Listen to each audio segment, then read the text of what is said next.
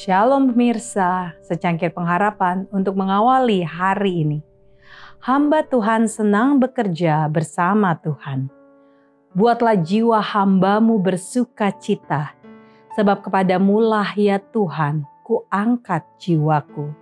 Mazmur 86 ayat 4 Wajah pria dan wanita yang berjalan dan bekerja sama dengan Allah menyatakan damai surga mereka dikelilingi oleh suasana surga.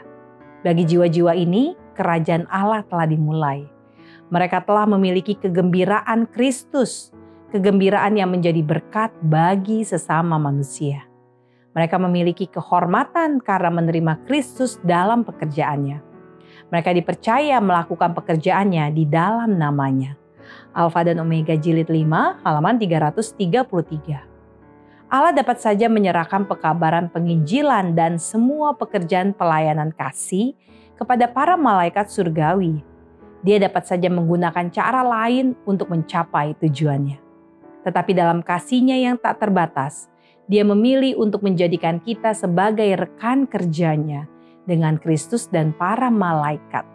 Agar kita dapat membagikan berkat, sukacita, kebangkitan rohani yang dihasilkan dari pelayanan tanpa pamberi ini. Langkah kepada Kristus, halaman 135 dan 136. Sebanding dengan kasih Kristus memenuhi hati kita dan mengendalikan hidup kita, ketamakan, keegoisan, dan cinta akan diri akan dikalahkan. Dan itu akan menjadi kesenangan kita untuk melakukan kehendak Kristus yang kita klaim sebagai pelayannya kebahagiaan kita kemudian akan sebanding dengan pekerjaan kita yang tidak mementingkan diri, didorong oleh kasih Kristus. Testimonies for the Church, jilid 3, halaman 382. Demikianlah renungan kita hari ini. Selalu mulai harimu dengan secangkir pengharapan.